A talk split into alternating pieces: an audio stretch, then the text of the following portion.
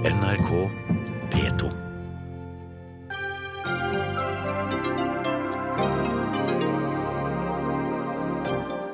I Irak er 100 000 av mennesker på flukt, mens regjeringen er handlingslammet. Den ekstreme islamistiske geriljagruppen ISIL er på sterk frammarsj. Landbruksministeren vil ha oppmyking av alkoholloven og tillate nøktern informasjon om vin og øl. Kristelig Folkeparti er bekymret. Om 36 timer er det slutt. Jens Stoltenberg går av som partileder lørdag. Hva føler han mest? Vemod eller lettelse? En veldig merkelig blanding av både vemod og lettelse.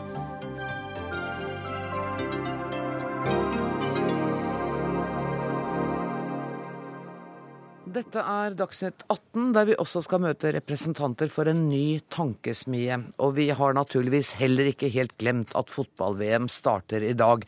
Men vi begynner med noe mye mer alvorlig og vanskelig. I løpet av de siste to døgnene har den sunnimuslimske ekstremistgruppen ISIL angrepet og erobret kontrollen over flere byer nord i Irak.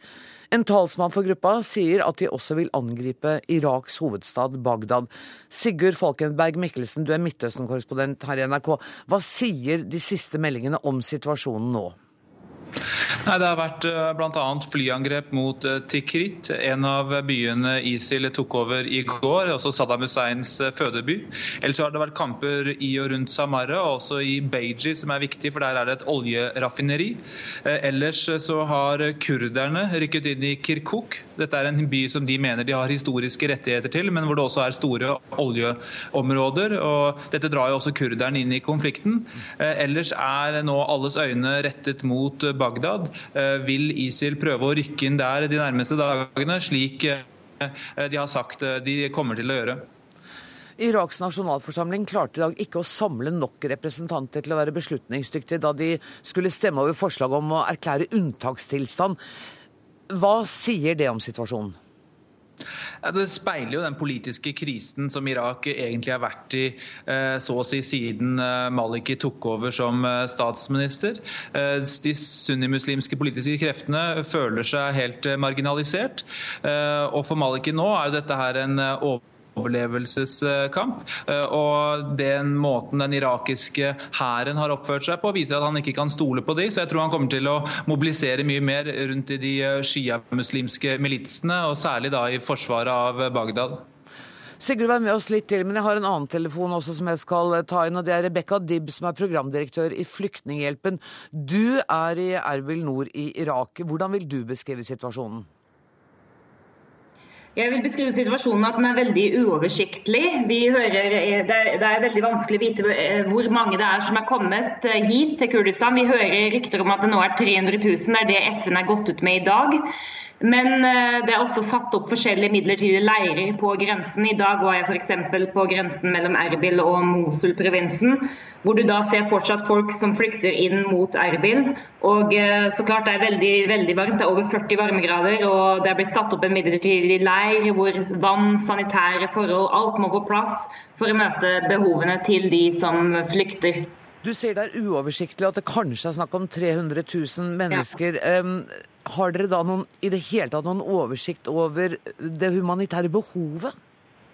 Nei, Det er et godt spørsmål. for det er akkurat nå det er det FN og hjelpeorganisasjoner, inkludert Flyktninghjelpen, prøver å gjøre en, uh, finne ut informasjon hvor de drar når de kommer inn i Kurdistan. Mange drar f.eks. til familier eller drar og bor på hoteller eller noe sånt nå.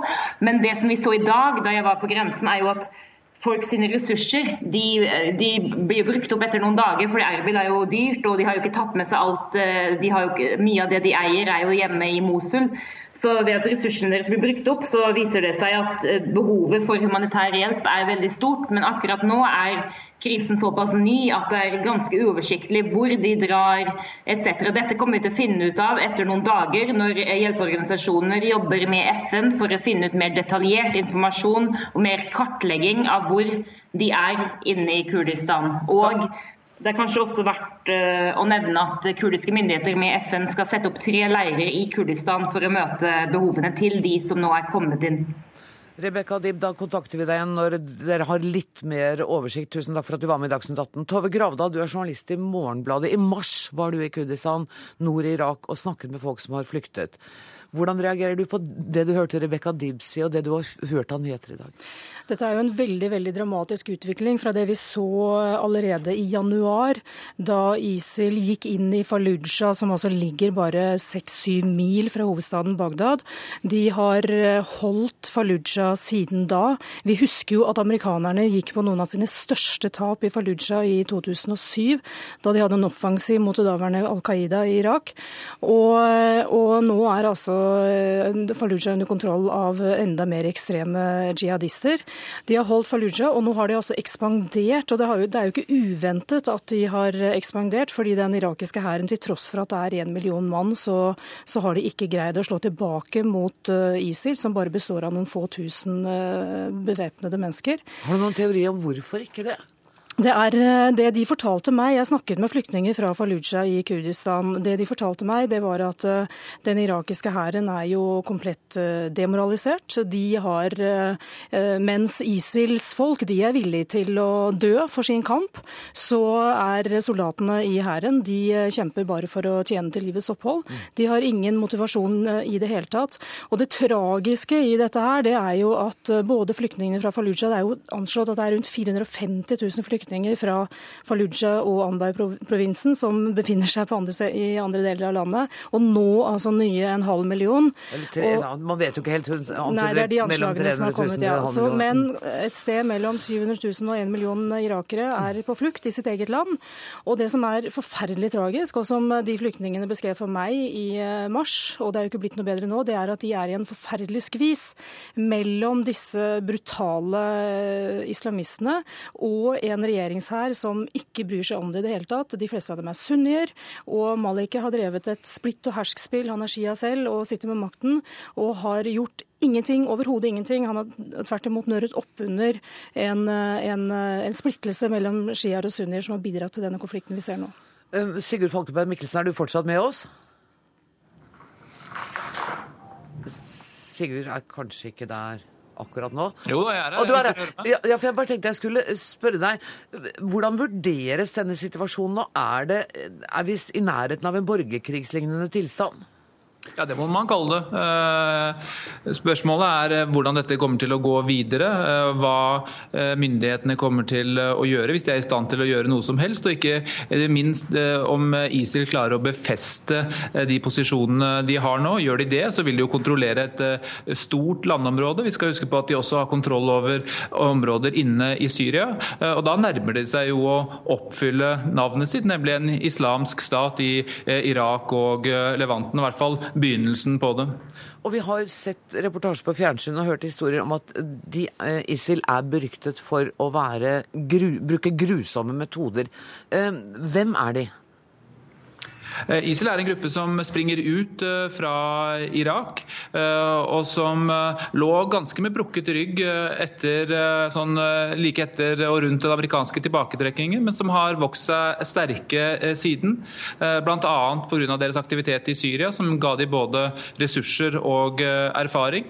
Og så har de da slått tilbake gjennom, gjennom denne offensiven i Mosul og Fallujah. Det er altså mange andre islamistgrupper grupperinger på den sunnimuslimske siden i Irak, men ISIL er både de mest effektive og de mest uh, hensynsløse. og De har allerede kommet med uh, lover og regler for hvordan de vil ha det i Mosul f.eks. Og uh, ber kvinner holde seg innendørs så mye som mulig.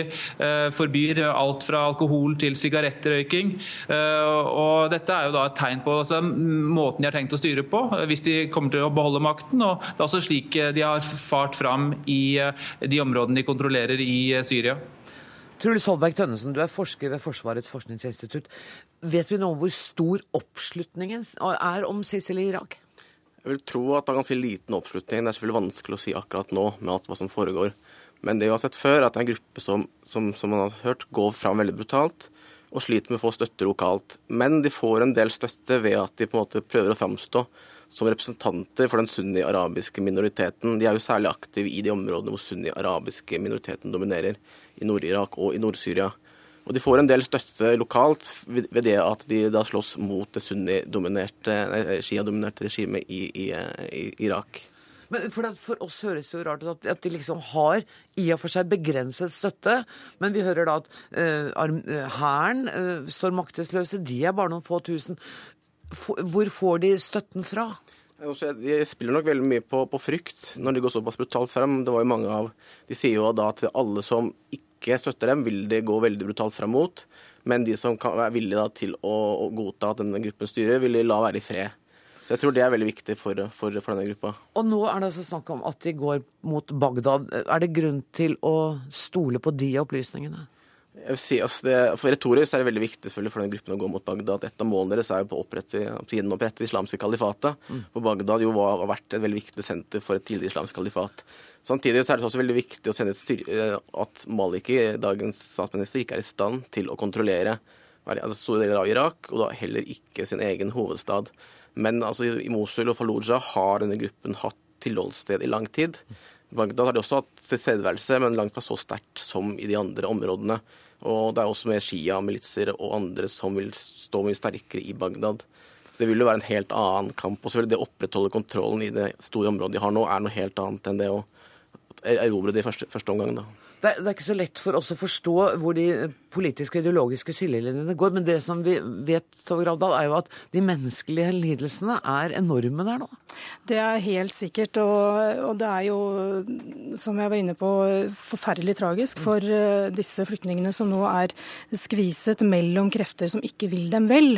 Og jeg vil bare tilføye når det gjelder eh, ISIL, det er jo viktig å huske på at dette har jo fint lite med religion å gjøre. Dette er mafia, ren mafiavirksomhet. De tjener pengene sine på ren mafiavirksomhet i særlig Mosul-området.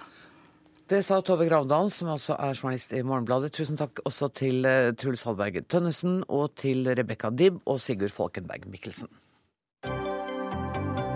Dagsnytt 18 alle hverdager klokka 18.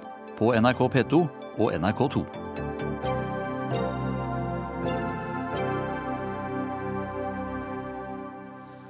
Tempo og temaskifte i Dagsnytt 18 nå. Han skulka skolen for å dra på sitt aller første landsmøte i Arbeiderpartiet i 1973. Siden den tid har han vært statsråd, statsminister, arbeiderpartileder. I morgen er det slutt. Da har du din aller siste dag i norsk politikk, Jens Stoltenberg. Velkommen, kanskje ikke for siste gang til Dagsnytt 18. Nei, det håper jeg ikke, for her synes jeg er veldig hyggelig å være. Men siste gang eh, i rollen som aktiv og sentral i norsk politikk. Hva skal du gjøre i morgen? Altså, I morgen skal jeg ha pressekonferanse og, og eh, møte norsk presse. Og så er jo selve landsmøtet på uh, lørdag, uh, og da går jeg av. Og Da blir jo litt forberedelse til landsmøtet, og så er det tale, og jeg taler, og etterpå så taler den nyvalgte lederen. Og så er det slutt. Jeg spurte deg helt innledning om det var vemod eller lettelse. Du sa det var en rar blanding av begge deler. Men er det sånn at det, er, at det blir gradvis mindre vemod? Eh, Ja, det er egentlig veldig godt å oppleve at eh, i vinter da jeg først begynte å tenke på dette, så følte jeg nesten at jeg var skremt av tanken på å gjøre noe annet. Og det er jo både et uttrykk for at jeg har vært veldig eh, glad i norsk politikk, glad i Arbeiderpartiet, glad i menneskene, glad i det å jobbe med det. Selv om det kan være anstrengende og slitsomt og sånn, så, så er det noe jeg har vært veldig tent og engasjert i forhold til. Eh, Og så er det det jeg kan. Det er det jeg har drevet med. Eh, Så det er, det er skummelt å gjøre noe nytt. Men nå når det er veldig klart for meg at det kommer til å skje, jeg har begynt å venne meg til det, så merker jeg økende glede, økende forventninger til å gjøre noe nytt. Til å gjøre noe som er også veldig viktig og meningsfullt. Jobbe med fred og med sikkerhet sammen med andre land. Og jeg tenker at det er bra for for, For verden? Nei, ja, nå tenkte jeg at jeg forlater norsk politikk. Oh ja, at det er bra Tenk- for Norge at du Ja, altså jeg tenker at det, alt har sin tid, og, og, og jeg stortrives og slåss jo for å fortsette som statsminister og, og sånn, men jeg tror samtidig at det, at det er en tid for alt, at jeg har vært med lenge, og at det, det er bra for meg personlig. Jeg tror det er bra for Arbeiderpartiet, og jeg tror det er bra for Norge, og at, at, at ikke folk gror helt fast. Ja, og, så, og jeg, det har jeg faktisk tenkt på noen ganger med folk i din posisjon. Hender det at du syns det kan bli litt mye av deg overalt? Ja. ja. men det rare er at jeg, altså Før var det sånn at hvis det sto noe med i avisa, eh, eller var på TV, så måtte jeg se det. Ja. Eh, de senere årene, etter at jeg i hvert fall var statsminister i annen runde, så var det masse om meg som jeg ikke fikk med meg.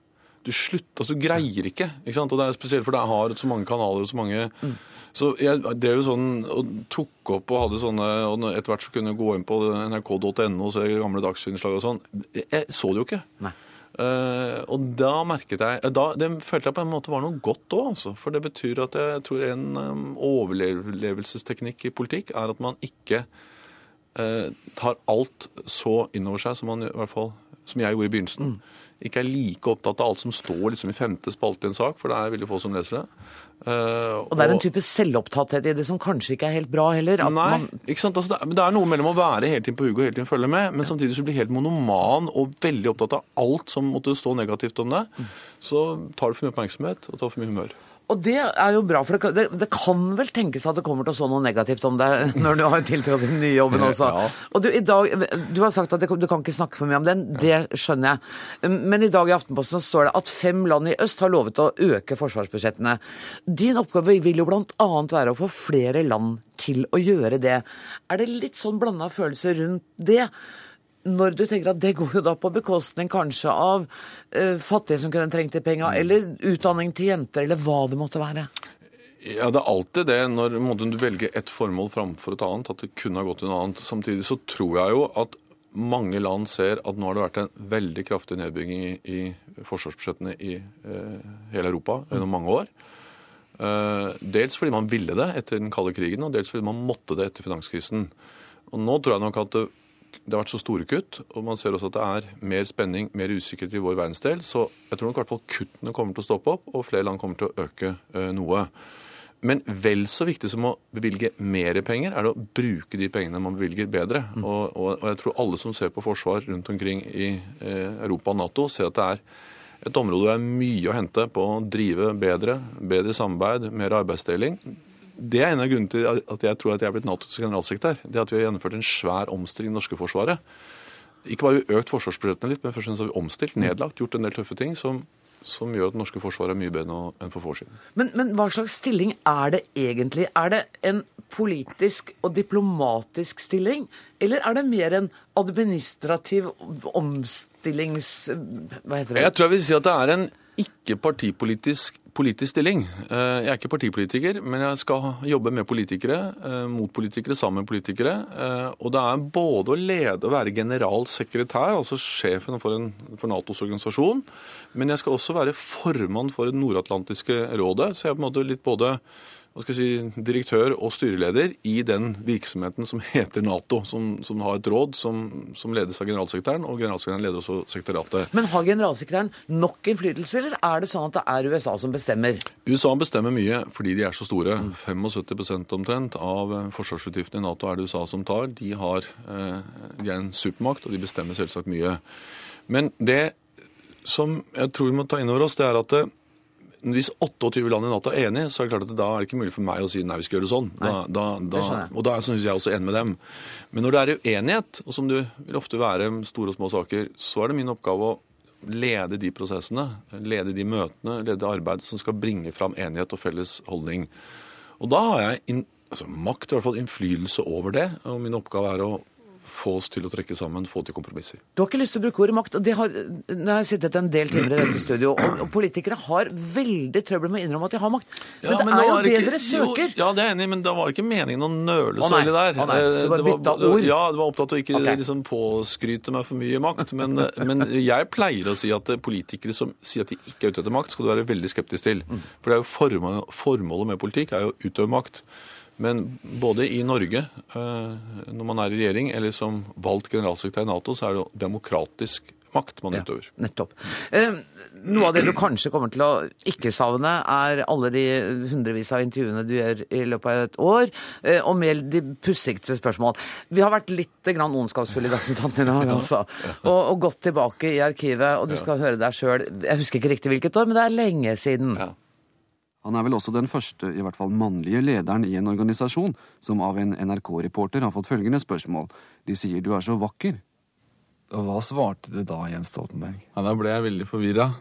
Og jeg er veldig opptatt av at folk ikke skal drive og diskutere om jeg er vakker eller ikke. Folk må vurdere meg ut fra det jeg gjør, sier og mener. Og det skal jeg gjøre så godt jeg kan, og håper at folk dømmer meg på det. Det som slår meg mest ved dette her, eh, er ikke at du sier noe fornuftig om utseendet, men at du har lagt om språket ditt siden en gang.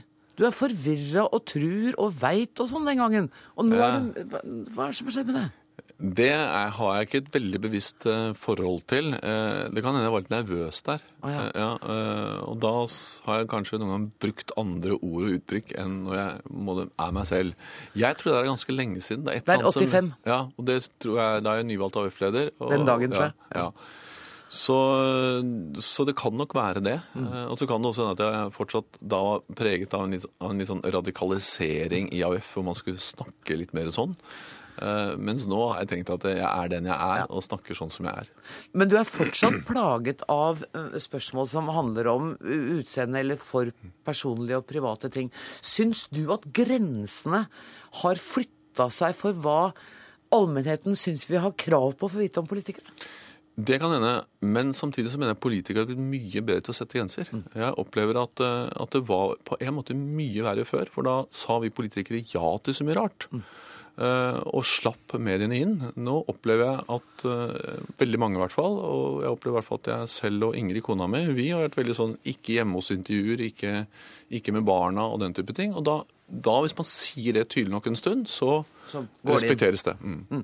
Du, du er jo ikke kjent for kanskje å være verdens ryddigste mann når det gjelder litt sånn personlige eiendeler og litt litt surrete. Og kanskje ikke alltid like formelt heller. Altså, Jeg har hørt en historie, det vil jeg ha deg til å bekrefte at du var eh, oljeminister, Ja.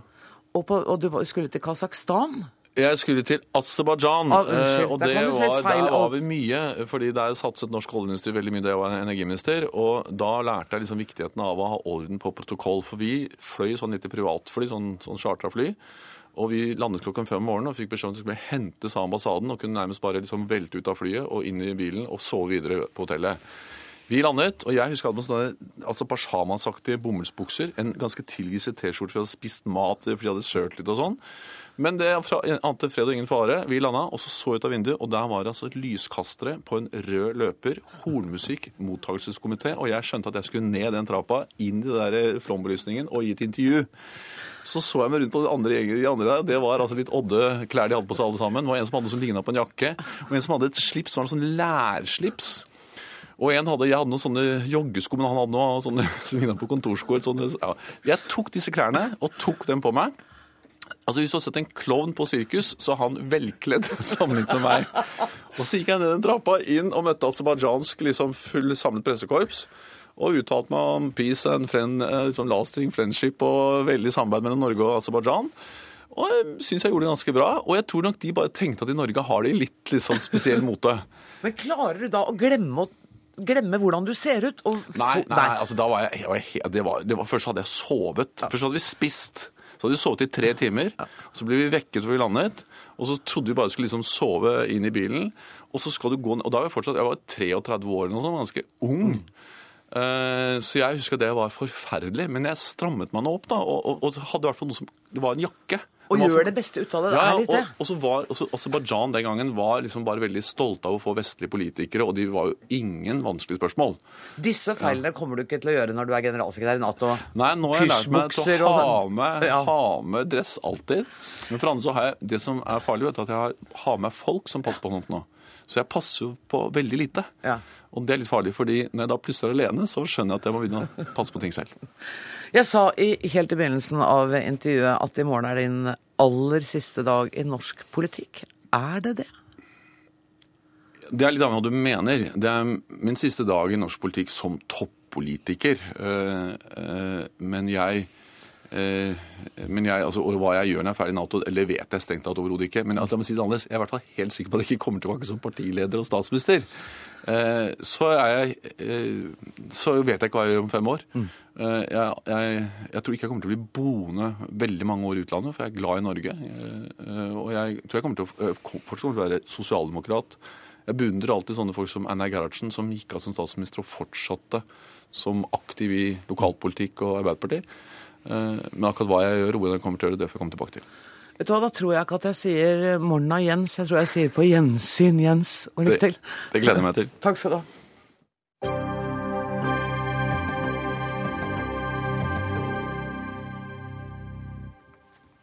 Gjenopptakelseskommisjonen forstår ikke viktigheten av egen funksjon, og i hvert fall ikke hva som skal til for å skape tillit til eh, kommisjonen.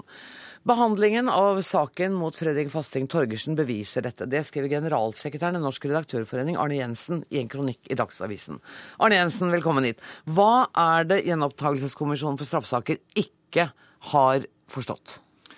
Nei, Jeg tror ikke de har forstått uh, følgende problemstilling. At hvis vi skal ha en gjenopptakelseskommisjon, og det er viktig, og den har en viktig funksjon, så må den, som er en sikkerhetsventil for rettssystemet vårt, den må være minst like åpen som selve rettssystemet, og den må være så åpen som overhodet mulig. Når det gjelder den konkrete saken med Fredrik Fasting Torgersen, så har han altså bedt om å få utlevert et lydbåndopptak av et møte som har vært mellom kommisjonen og den daværende leder for Rettsmedisinsk kommisjon, som gjaldt altså eh, hvordan, hans, eh, hvordan den delen av hans sak skulle behandles. Det har han ikke fått. og Argumentasjonen for det er rene formaliteter. Det er ingen som jeg har sett i hvert fall, som har kommet opp med et reelt argument. Hvorfor kan ikke Fredrik Fasting Torgersen få det lydbåndopptaket? Altså, hva, hva ville skadevirkningene være av det? Det er eh, problemet i den saken. Ok, og, og, jeg tror vi skal prøve å ikke gå dypt inn i den saken, for at det er en, en enkeltsak som lederen for Kommisjonen for gjenopptakelse av straffesaker, Helen Sæther, ikke kan gå inn i. Men, men kan du allikevel gi en begrunnelse på hvorfor dere ikke kunne offentliggjøre akkurat disse, eller gi eh, innsyn i akkurat disse lydbåndopptakene? Det er rett og slett... Kan du komme litt nærmere mikrofonen? Også? Det er eh, fordi at eh, da møtet den gang ble holdt, eh, så ble det lagt inn en forutsetning for de tilstedeværende om at eh, det ble gjort et opptak som kun skulle være til informasjon for de kommisjonsmedlemmer som ikke var til stede. At det skulle ikke inngå blant sakens dokumenter. Og det har vi siden holdt fast ved. Det har vært prøvet i domstolssystemet. Oslo tingrett har hatt eh, lydbåndopptaket tilgjengelig. og har, og konkluderte i sin tid, eh, i 2007 var vel det, med at eh, det inn, opptaket inneholder ingen opplysninger eh, som partene trenger, skal ha innsyn i. Det er et internt eh, saksdokument, og det inneholder ikke opplysninger av betydning for sakens avgjørelse. Men det er vel nettopp slike avtaler Jensen mener dere ikke bør inngå, da? Og dette, I dette tilfellet så er jo det prøvet også for uh, Borgarting lagmannsrett og Høyesterett, som kom til samme resultat. Ja, men, men, da må du jo i anstendighetens navn gjøre oppmerksom på at lagmannsretten avviste den på rent formelt grunnlag. Lagmannsretten drøftet ikke realitetene i saken. Uh, men, men, poenget mitt er at vi har, vi har en gjenopptakelseskommisjon som jobber nå uh, etter regler for innsyn og åpenhet, som er en helt avgjørende pilar i hele rettssikkerheten vår, som jobber etter regler som gir mindre åpenhet enn de domstolene som de skal etterprøve. Det gir etter mitt syn eh, kommisjonen et eh, tillitsproblem. Jeg sier ikke at dette er Helen Sæthers feil eller kommisjonsfeil, men regelsettet rammeverket for kommisjonen mener jeg eh, burde endres. Ja, Men du sier jo også i kronikken din at de kunne velge altså De har valgt en metode for avhør som gjør at det ikke er åpenhet rundt dem. Og det må jo være kommisjonens feil? Det, det er helt riktig. Per i dag så har kommisjonen to muligheter for, for avhør, sånn to hovedspor uten å bli for teknisk. Det ene er, er det som heter avhør utenfor, eller bevisopptak utenfor hovedforhandling, som følger domstollovens og straffeprosesslovens regler, eller domstollovens regler om, om åpenhet. Det andre er reglene for politiavhør. Det første, Da slår domstollovens åpenhetsregler inn, for politiavhør gjør det jo ikke det.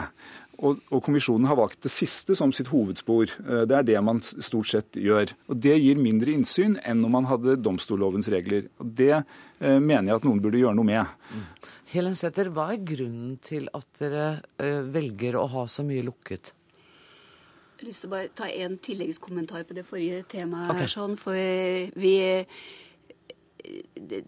Arne Jensen skriver også i denne kronikken at jeg henviser til at Torgersen nå kjemper sitt livskamp for å få prøvet saken på nytt. Og da er det jo også et moment for oss, eller vi ser jo også hen til det at det som er avgjørende for gjenåpningsbegjæringen hans, det vil jo være bevissituasjonen som knytter han til drapshandlingen i 1957 et møte som er holdt i 2004, kan ikke få betydning for bevissituasjonen for så vidt.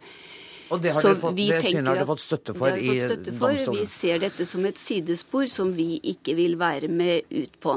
Men så til det andre. Og så til dette andre, så er eh, Eh, jeg vil først si det at eh, i kommisjonen så har vi stor forståelse for medias ønske om åpenhet rundt kommisjonens arbeid, og vi ønsker interesse rundt vår virksomhet. Eh, det, så er det noen hensyn som taler for andre løsninger enn medias ønske om åpenhet når det gjelder vår praktiske saksbehandling. Eksempel så er det ikke offentlig hvem som har begjært gjenåpning. og Det har jo noe å gjøre med at av, en offentlighet rundt det kunne avholde noen fra å begjære gjenåpning. Og det er et spørsmål ønsker vi den situasjonen. Når det gjelder avhørene spesielt, eh, som jo er det, noe av den viktigste utredningsvirksomheten vi driver med, så er eh, forholdet at eh, de aller fleste av våre gjenåpningsbegjæringer gjelder jo alminnelige straffesaker hvor de berørte eh, vitner, andre berørte, kan eh, vil finne det belastende, kanskje, å møte til avhør hvis, hvis det skulle være medieoffentlighet rundt uh, avhørene. Og vi er opptatt av å få uforbeholdne forklaringer, hvor eh, de ikke ser blir preget av at eh, det kan rapporteres hva de forteller om. Og da må Jensen få lov å ja, de, de, samme argumentene kunne man jo bruke på de vanlige domstolene. Selvfølgelig er det mange som føler ubehag ved å vitne i en åpen rett.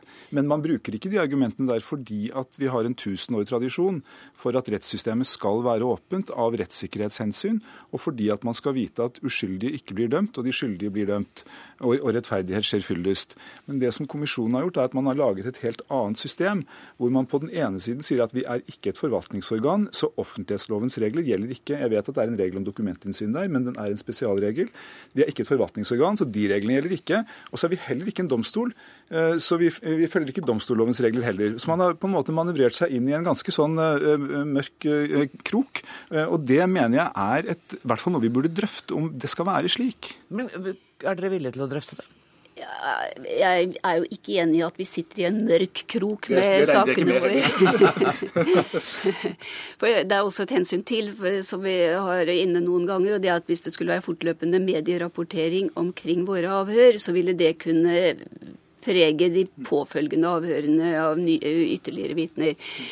Eh, det er, det, det, Parallellen til domstolsbehandlingen eh, er ikke helt god eh, og helt treffende, fordi at vår eh, utredningssituasjon ligner egentlig mer på etterforskningsstadiet i en straffesak. Eh, I, når en straffesak kommer til domstolene, så har det foregått en forutgående politietterforskning hvor vitner kan foreholdes hva de har sagt. og og som stort sett er unndratt offentlighet. Og som når det ikke er lekkasje fra det, da. Når de, Men de med forbehold for lekkasjene, nei. Men så er den situasjonen at når, sakene, når vi får gjenåpningsbegjæringer, så vil jo de oftest være begrunnet i at det er kommet fram noe nytt som ønskes utredet. Og der er vi over i en situasjon som ligner politietterforskningssituasjonen, hvor vi bør foreta vår utredning uten at vitner kan tilpasse sine forklaringer, for eksempel. altså, eh, tida løper så fort i studio.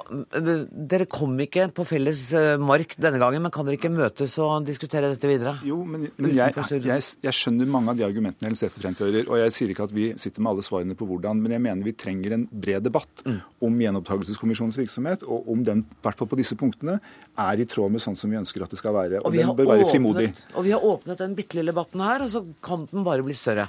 Tusen takk for at dere kom, Arne Jensen og Helen Sæther. Hør Dagsnytt 18 når du vil. Radio NRK.no. Regjeringen vil lette på reklameforbudet for alkohol. De vil gjøre det mulig for forbrukere å finne informasjon om øl og vin og andre alkoholholdige produkter på nettet. I tillegg så vil regjeringen utrede muligheten for gårdssalg av alkohol over disk. Og stortingsrepresentant for Høyre, Sveinung Stensland, medlem av helse- og omsorgskomiteen. Hva slags informasjon er det snakk om at vi skal kunne gjøre tilgjengelig for oss alle nå? Det er det snakk om er nøktern informasjon om produktene, sånn at forbrukere kan gå inn og sjøl aktivt se hva de forskjellige produktene inneholder og hva egenskaper de har, selv om de er produsert i Norge. For i dag er det sånn at utenlandske produsenter og utenlandske leverandører de kan legge ut på sine nettsider i utlandet, mens norske leverandører og norske bryggerier ikke kan gjøre det. Vi har tidligere diskusjoner eh, som gjaldt uh, f.eks. Uh, ølinformasjon på Facebook og, og, og sånt. Vil, Facebook vil være et helt greit sted å ja, Det vil ikke jeg gå inn på. Det som er viktig å få fram, er at Det veit dere ikke rett og slett ennå? Ja, det vet i hvert fall ikke jeg. Men det som Nei. er viktig å få fram, er at reklameforbudet det ligger fast. Det det er snakk om, er nøktern informasjon som forbrukerne sjøl kan gå inn og lete etter. Sånn som de da kan se på Vinmonopolet, kan de se enkel opplysning om de forskjellige produktene på polet. Men ser du f.eks. For, for deg at uh, hvis jeg skal på en restaurant, så kan jeg gå inn og få uh, på nettet, lete opp vinlisten deres og få restaurantens anbefalinger om hvilken vin som passer til hvilken type middag? Det kan være et eksempel på hva, hvilken type informasjon som vil være lovlig. Men det vil ikke være lovlig å markedsføre disse produktene. Kom til oss, vi har billig vin. Kom til oss, vi har det. Det er ikke det det er snakk om. Det er snakk om at en aktivt kan søke seg hva er det en har. Men detaljene i forslaget har ikke jeg sett. Jeg eh, har bare sett det som har kommet ut i media i dag. Men, og hele hensikten med forslaget er altså ren forbrukerveiledning, at den skal bli bedre? Ja, vi ser jo i dag en økende kultur for eh, norsk eh, ølbrygging og norsk ølproduksjon. Det er jo i dag en forskjellsbehandling av norske leverandører eller norske produsenter og utenlandske produsenter. Det er det som er bakgrunnen for det, og vi tror at det er fornuftig at vi får mer kunnskap om produktene, og at ikke det blir prega av mystikk. Vi tror ikke dette øker forbruket. Tvert imot så vil det kanskje dreie forbruket mer over på de mer kvalitetsorienterte produktene. Helsepolitisk talskvinne for Kristelig Folkeparti, Olaug Bollestad. Dette her er altså ren forbrukerveiledning, og reklameforbudet ligger fast. Da er du ikke så opphissa? Jo, jeg er det. Nei, jeg er ikke så opphissa. Men jeg, eh, en kan kalle det eh, mange ting. Men det er klart at dette er en form for snikreklame, tenker vi. Fordi at eh, selv om Sveinung Stensland sier at det skal være en opplysningsplass, så blir det en form for reklame som gjør at vi vet at reklame er med på faktisk å skape et behov, eh, som òg skaper en påvirkning, som igjen skaper et økt forbruk. Det gjør det på mange ting. Når vi selv sier at det ikke skal skape det, så gjør det det. Og vi sitter med en utfordring, faktisk. At de, på ene enden av skalaen så bevilger vi nå penger over statsbudsjettet i søkk og krav til rus og rusforebygging og rusbehandling. Og på andre sida så åpner vi opp for reklame og salg andre steder enn polet f.eks. Så tenker jeg vi, vi undergraver noe av det, det systemet som har vært bygd opp. Og så kan en si ja, vi forskjellsbehandler i forhold til utenlandske reklame, men de gjør det på utenlandske nettsider. Norge får på en måte koste for si dør, og vi har blitt sett opp til mange plasser fordi vi nettopp har klart det vi har klart. Og jeg tror det er viktig å holde på, fordi det er med på å ha en kontroll i forhold til vårt alkoholforbruk. Men, men altså, den, denne informasjonen, f.eks. når det gjelder vin, den, den, kan jo jeg lese i papiraviser i Norge mm. helt jevnlig. Mm. Ja. Så det er jo ikke så store forskjellen. Da. Nei, men Det er jo òg en form for snikreklame. Hvis du, ja, er det det? Ja, hvis du går ut og ser på lørdagsavisa i, i, i VG f.eks., som gir 5,6 terninger til, til, type vin som passer til hva, osv. Det er klart, for den som ser på dette, så er jo det en form for reklame, tenker jeg og tenker vi. Og Vil jeg, du ha forbud mot det også? Om... Ja, fordi at jeg tenker at reklame skaper en sånn tanke som gjør at vi faktisk lettere rettferdiggjør det vi gjør. Og jeg er ikke ute etter eh, et glass vin eller det å ta et, ta et ølglass, men det er det jeg er ute etter. At vi på en måte har ikke konsistens i det vi egentlig sier på ene sida så bevilger vi penger til det ene, men vi tør ikke å ta noen grep i andre enden. Og For meg og KrF er dette sentralt, fordi vi har mange utfordringer. og Da tenker jeg vi må tørre å ta i det som er litt upopulært òg. Mm.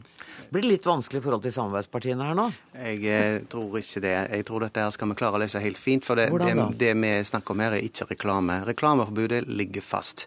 Det er ikke snakk om å oppheve reklameforbudet for alkohol i Norge. Det som, Men unnskyld meg, hørte som, du hva Bollestad sa? Hun oppfatter dette som reklame. Ja. Og hun oppfatter også avisomtaler og, ja. og vintester som reklame. Hvis Bollestad mener at uh, vinomtale i aviser er, er, et problem, så får hun ta opp det i egne kanaler. Men det som vi snakker om nå, er at det skal være tilgang òg for norske leverandører og gi nøktern informasjon, sånn som det i dag gis på Vinmonopolet sine egne sider. Der kan man gå inn og se hvilken vin, hvilke karakteristika, alkoholstyrke og den type ting, og hva type mat passer den til. Det er ikke snakk om markedsføring, det er snakk om å kunne gi opplysning. Og det er jo et paradoks at utenlandskprodusert rusbrus kan legge ut informasjon på sine sider om sitt produkt, eh, som gjerne er ganske så fine og fjonge, mens norske leverandører av eh, norske produkter som pils, bayer og andre ting som lages i Norge, det har ikke lov å fortelle hva produktene sine inneholder. Den er kun det som står på etiketten som er lovlig. Ja, jeg, jeg, hører hva Sveinung Stensland sier, men allikevel så tenker jeg i forhold til norske produkter, det er der vi kan styre, det er der vi har en kontroll. Og da tenker KrF at vi har et ansvar til å gi minst mulig reklame. Og så kan en si ja, det er ikke reklame å ha eh, terningkast på vin og, og, og i aviser, men det blir en form for snikreklame det òg. Samme hvordan vi snur og vender på det. Så har vi et reklameforbud, men vi gjør det bare på en annen måte for å holde på reklameforbudet. Men hvis vi gjør det mange nok ganger, så har vi jo en en totalreklame. og Da tenker jeg, da har vi skapt et ønske og et behov, og så gjør at da vi må gå og prøve den type vin til den type mat neste gang. Men syns du at norske småprodusenter av f.eks. øl skal få lov å selge det over disk? Nei, det syns jeg ikke. For det er en måte å undergrave det vi har sagt. Vi har sagt eh, ja til at det skal være det salg, ølsalg som det er i butikk. Og så har vi sagt at Vinmonopolet skal være det som er det bærende i norsk alkoholpolitikk. Og hvis vi har utsalg x antall andre plasser, så undergraver vi det verktøyet som vi en gang bestemte vi skulle ha, og som har vært viktig for norsk alkoholpolitikk, nemlig Vinmonopolet. Sveinung Stensland, jeg fastholder at jeg oppfatter at dere har eh, et lite problem her med et av samarbeidspartiene. Altså. Ja, altså KrF uh, får mene det de mener, men det som jeg er opptatt av å få fram, at vi står bak at hovedlinjen i alkoholpolitikken ligger fast, reklameforbudet ligger fast, men vi ønsker eller vi ønsker at det skal legges til rette for at produsenter kan gi nøktern informasjon på sine sider, men da må forbrukeren sjøl aktivt oppsøke det. Da sier jeg tusen takk til deg, Sveinung Stensland, og så skal jeg be Olaug Bollestad sitte litt, for vi skal snakke om ruspolitikk.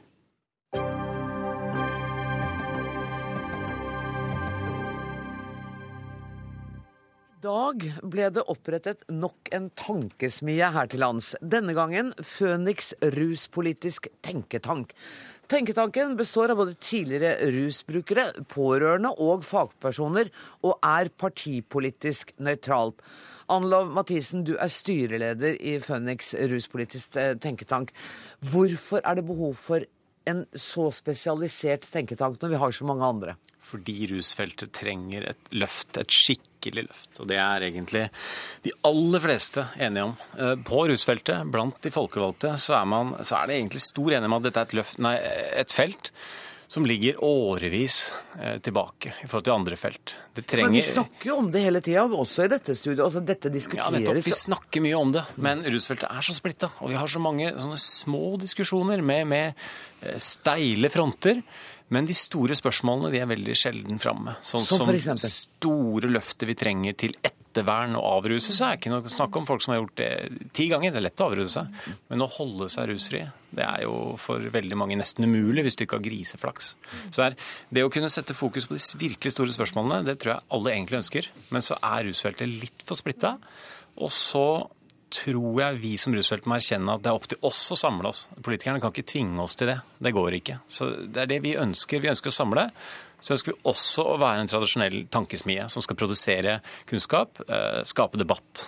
Men eh, også, Du er initiativtaker til dette her, ja. Eh, og dere har satt sammen et styre. Hva var det du så etter hos styremedlemmene du ville ha? Jeg tok et valg ganske fort. At det her kunne enten gå etter de uh, gjengangerne på rusfeltet, som er flotte folk, kompetente folk, men det er mye akademikere og organisasjonsledere. Uh, men det hadde blitt mye dobbeltroller, så jeg ville, ville styre unna det. Og så ville jeg styre unna for altså Kommunikasjon her er veldig viktig, så jeg ville styre unna altfor mye akademia. Jeg ville ha, ha det friskt, rett og slett. Og Hans Erik Dyvik Husby, du er ikke akademiker, men du er styremedlem i denne tankesmia. Hvorfor sa du ja? Fordi jeg kan vel si sånn, jeg, jeg har jo stått steilt kanskje på en av frontene i rusdebatten. Det eh, kan man vel si tydelig, ja. ja. Som tidligere LAR-bruker og, og, med en litt spesiell uh, historie. Uh, jeg har vel kommet til den konklusjonen, særlig når jeg begynte å prøve å få i gang nye prosjekter i forhold til LAR, og prøve å, å lansere tanken på å, å skaffe trygge måter ut av LAR. Ja, LAR er altså et legemiddelassistert ja, Metadon og Subutex-programmet. Eh, så kom jeg da kanskje i kontakt med rusfeltet på en ny måte. Eh, jeg oppdaga selvfølgelig den veggen av konflikt og, og, og, forvirring som er i rusfeltet. Eh, samtidig som jeg merka at mange av de skarpe kantene mine forsvant, for jeg så så veldig mye bra også med rusfeltet. Og så oppdaga jeg at jeg står på én side i en snøballkrig som ikke er produktiv. Og når Anlov spør meg skal vi prøve å være en tredje rett på menyen, så følte jeg at det var veldig riktig i denne tiden. Ja, for at din kamp har jo vært imot all type legemiddelbruk i avrusningsprosessen. Er du like steil på det? For da føler jeg at da vil jo debattene bli ganske låst også i denne tankesmien. Nei, jeg, jeg, må kanskje erkjenne at rett etter å ha kommet seg ut av et LAR-program eh, som var veldig lite produktivt for meg, og som kosta meg mye tid og krefter, at jeg kanskje var litt kategorisk og, og, og, og sånn, og hadde funnet en helt annen vei enn LAR. Eh, jeg har kommet til en erkjennelse at, at vi må ha et LAR, men da må LAR fungere bra. Mm. og da må man på en måte uh, balansere LAR og finne ut hva som fungerer med LAR, og hva som må forbedres. Og så må de som ikke ønsker å være på LAR, de må få et tilbud om, om andre ting. Og du aksepterer også at man kan faktisk bli rusfri uten å ty til religion eller andre ting. Oh, ja, det er faktisk jeg har sjøl ikke, ikke vært gjennom noe religiøst Nei. program. Så, sånn sett er jeg sekulær. Bare sånn at vi liksom må rydde opp litt i, i kortene her. Olaug Bollestad, hva syns Kristelig Folkeparti om en uh, tenketank som eh, skal ta for seg rusproblematikken? Jeg var på møte i dag hos de. Var du? Jeg var der. Det visste jeg ikke. Ja, og jeg syns det er ufattelig viktig å få på banen ei tankesmie som tar med seg bredden. For vi, det viser seg jo, vi har jo ikke lykkes i alt vi har gjort i forhold til rusomsorg. Selv om både media og politikerne har snakket mye om det. Det er delt og splitta i departement, fra Helsedepartementet til Arbeid og sosial, til skole, til barne- og familieminister. Sånn at det, er, det samme skjer ute i kommunen. Når jeg satt som ordfører, så var dette splitta i mange sektorer innenfor kommunen. Og hvor skal du få tak på f.eks. en boligsosial plan, så vi har sjanse til å redde de som har kommet ut. Men kan de løse dette her, da? Nei, kan denne de kan tankesmia gjøre noe med det? Ja, men de kan være med å sette fokuset på at det handler ikke bare om å bli rusfri, men det handler om et liv både før og etter. Og det er det jeg tror at vi trenger både å høre fra pårørende som opplever folk hjem, og det vi trenger å høre fra de som har hatt skoen på. For vi blir ofte bare de teoriene i hodet, så glemmer vi på, på med skoene på, og det tror jeg er viktig. Mm, Anna Mathisen. For det er et veldig viktig poeng du nevner pårørende, ja. og, og, de rusavhengige selv. Sånn som du sier at Hans Erik har sine standpunkter, og jeg har mine. Vi har sju forskjellige personer, men våre private standpunkter i styret de er irrelevante. Mm. Uh, vi kommer til å kjefte hardt på hverandre hvis vi begynner å misbruke tenketank på den måten. Mm. her er poenget å løfte fram andre. Det skal være meningsbrytninger. Ja. Vi skal tillate debatter via oss som tenketank fra våre medlemmer. Og våre medlemmer skal forhåpentligvis være mange pårørende, mange rusavhengige og organisasjoner på rusfeltet. Sånn at Noe av det viktigste vi kan bidra med, er å være en kanal for debatt. En kanal spesielt for pårørende og rusavhengige. For det er de to viktigste gruppene, men altså de to gruppene som høres sjeldnest. Men dere skal også ut i den offentlige debatten, og det er jo dette her et ja. eksempel på. Men, men kan, dere kan jo ikke satse bare på Dagsnytt 18. Eh, dere har tenkt litt andre Ja, men vi kan styre unna særstandpunkt debatter. Vi kan styre unna å ha en bastant mening for eller mot legalisering av cannabis. Og det har vi tenkt å gjøre. Og jeg tror, jeg tror vår, vår, ambisjon er ikke å ha det store svaret. Vår ambisjon er å prøve å stille de korrekte spørsmålene. For min opplevelse av rusdebattene i Norge er at alle svarer på noe ingen egentlig har spurt om. Rett og slett. Og, og hvis vi klarer å finne ut hva er livskvalitet, hva er livsmestring, hva er et rusfritt liv, i det hele tatt. Hvor stor grad av rusfrihet skal man øh, forvente? Hvor mye skal man kunne tolerere? Bare man klarer å stille de rette spørsmålene, så vil det være mye lettere for både vanlige borgere, politikere og alle involverte å kanskje tenke ut øh, kloke svar, da.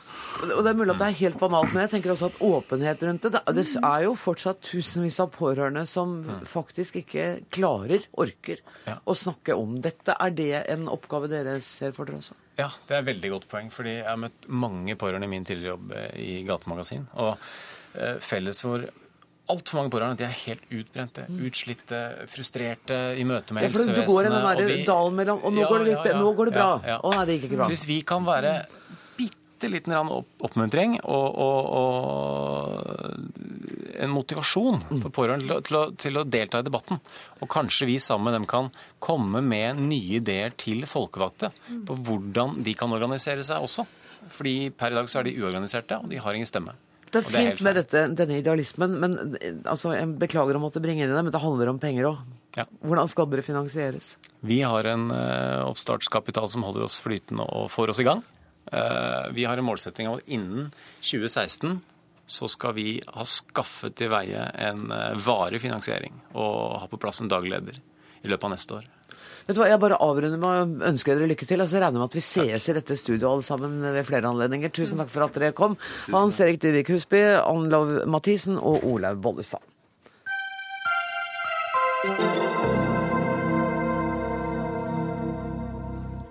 Ok. Um, bare sånn at det ikke skal virke som vi ikke har fått det med oss, så er vi klar over at uh, Brasil og Kroatia sparker i gang fotball-VM i kveld. Det har ikke manglet kritikk både av Fifa og vertsnasjonen under oppkjøringen til dette VM-et. De vanligvis så fotballglade brasilianere har protestert, men hvordan stemningen er i Brasil i dag på åpningsdagen, det vet jeg lite om. Men det vet du, Arnt Stefansen. Du er i Copacabana-området i Rio de Janeiro akkurat nå. Yes, og stemningen er veldig blandet. Eh, Det er jo slik at det allerede har vært eh, voldelige sammenstøt mellom politi og demonstranter i Sao Paulo, der åpningskampen skal eh, spilles. Eh, Det er også varslet flere eh, demonstrasjoner både her i Rio og andre steder i løpet av av dagen. Det er varslet streiker eh, flere steder, og det er en streik, nemlig på flyplassen her i Rio, noe som forsinker eh, selvfølgelig ankomsten til alle de tusener som kommer til byen. Så Det er den ene siden. På den annen side så er det en sitrende forventning. Det må jeg si at man merker. Eh, man har ventet i sju år på dette, siden Brasil fikk VM, ladet opp og, eh, og, og gledt seg til denne festen. Og, og Derfor så er det en veldig sånn tosidig stemning her i dag. Brokk, Bråk, demonstrasjoner, streiker, men også eh, veldig mye forventning når det gjelder denne åpningskampen. Deler du den forventningen, Arnt? Du, Det var hyggelig at du spurte, for jeg vurderte om jeg skulle si akkurat det du nå spør om. Jeg føler rett og slett en sitrende forventning, fordi jeg har jo vært her så lenge at jeg husker jo veldig godt den dagen da de fikk VM. Og vi har jo snakket om dette i sju år. eh, Og derfor så er det en, veldig veldig spesiell dag for meg. altså. Det må jeg ærlig si. Eh, og du har kanskje klart å skaffe deg billett til en kamp òg, eller? Altså jeg har jo går rundt med en svær sånn akkreditering Ja, på, på det. Det, det, det kan det jo du alt om som gammel eh, utenrikskorrespondent. Eh, men nå er det jo sånn at eh, man kommer jo ikke inn overalt eh, likevel, fordi det er eh, et begrenset plass, og de enkelte land må eh, melde inn sine, sine, sine team og sånn. Så, men jeg har et lite håp om at jeg skal klare å snike meg inn på en kamp eller to på, på den akkrediteringa. Men når det gjelder billett, så eh, er jeg nok litt for fattig. Jeg må nok punge ut med 50 000-60 000 for å få en billett til avslutningskampen på eh, finalen på Maracana stadion her i Rio. Da får vi krysse fingrene for at akkrediteringen gjelder. Takk skal du ha, Arnt Stefansen. Mina Finstad Berg, du er vanligvis generalsekretær i SU, men skriver mye om fotball, bl.a. på bloggen din. Og du er også klar for VM. Ja, jeg har telt dagene lenge. Hva er det som er så spesielt for oss som ikke har denne sitrende entusiasmen som du og Arnt har? Hva er det for noe?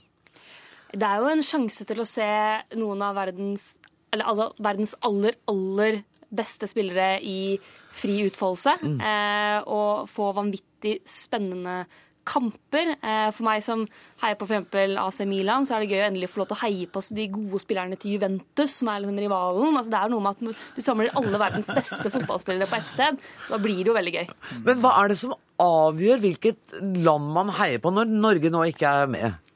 Jeg heier jo på Spania. Det er fordi jeg bodde der en liten periode som barn. Ja. Og jeg tror veldig mange finner et lag i barndommen.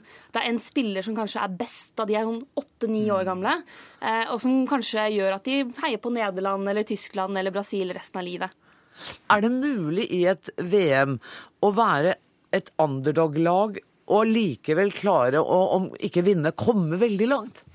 Ja, det tror jeg absolutt. Jeg er, er veldig spent på å se på Bosnia i år. Eh, kommer Bosnia? ekstremt mange spennende spillere fra Balkan. Eh, Bosnia er VM-debutanter, de eneste i årets VM. Eh, og jeg tror de kan ha sjanser til å ta seg til sluttspillet.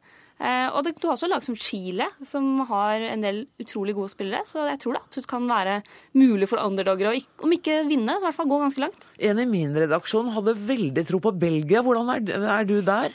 Alle har jo troa på Belgia i år. Å ja. Eh, Så jeg, jeg ble veldig imponert nemlig over han. Belgia har ekstremt mange gode spillere, og nå har de endelig fått dem til å funke sammen i et landslag også.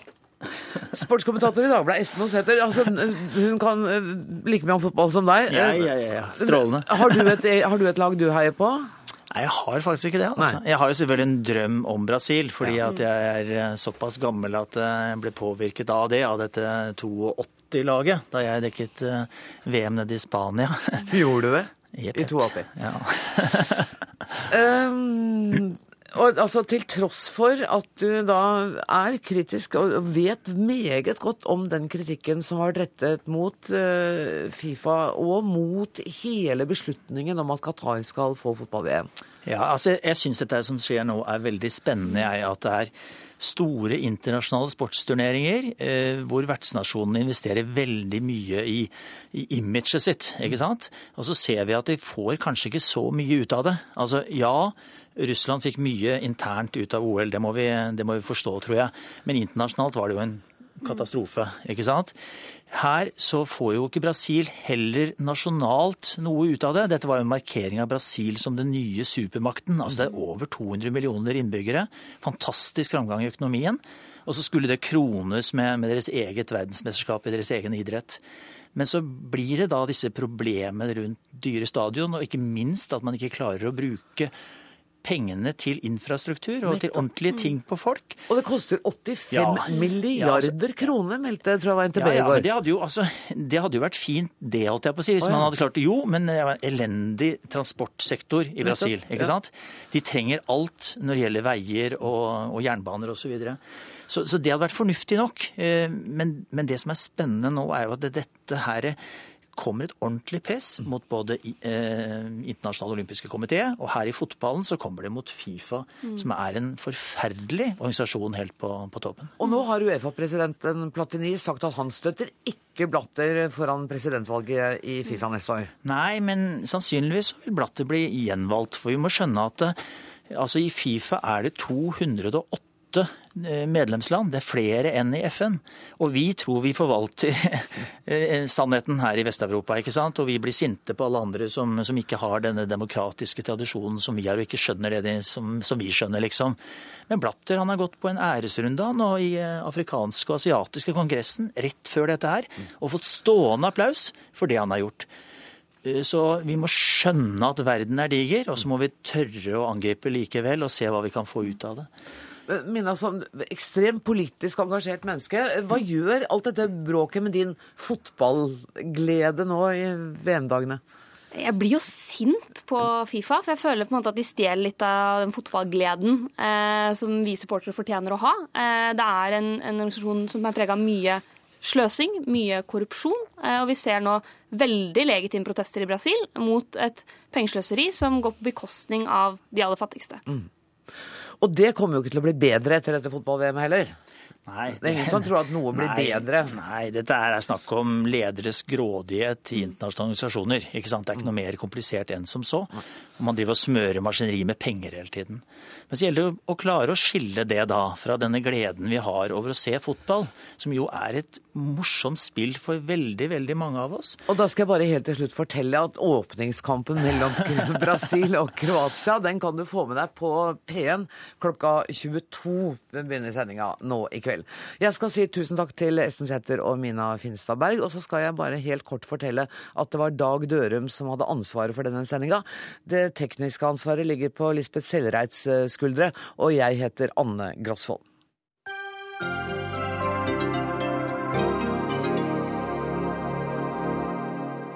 Hør flere podkaster på nrk.no podkast.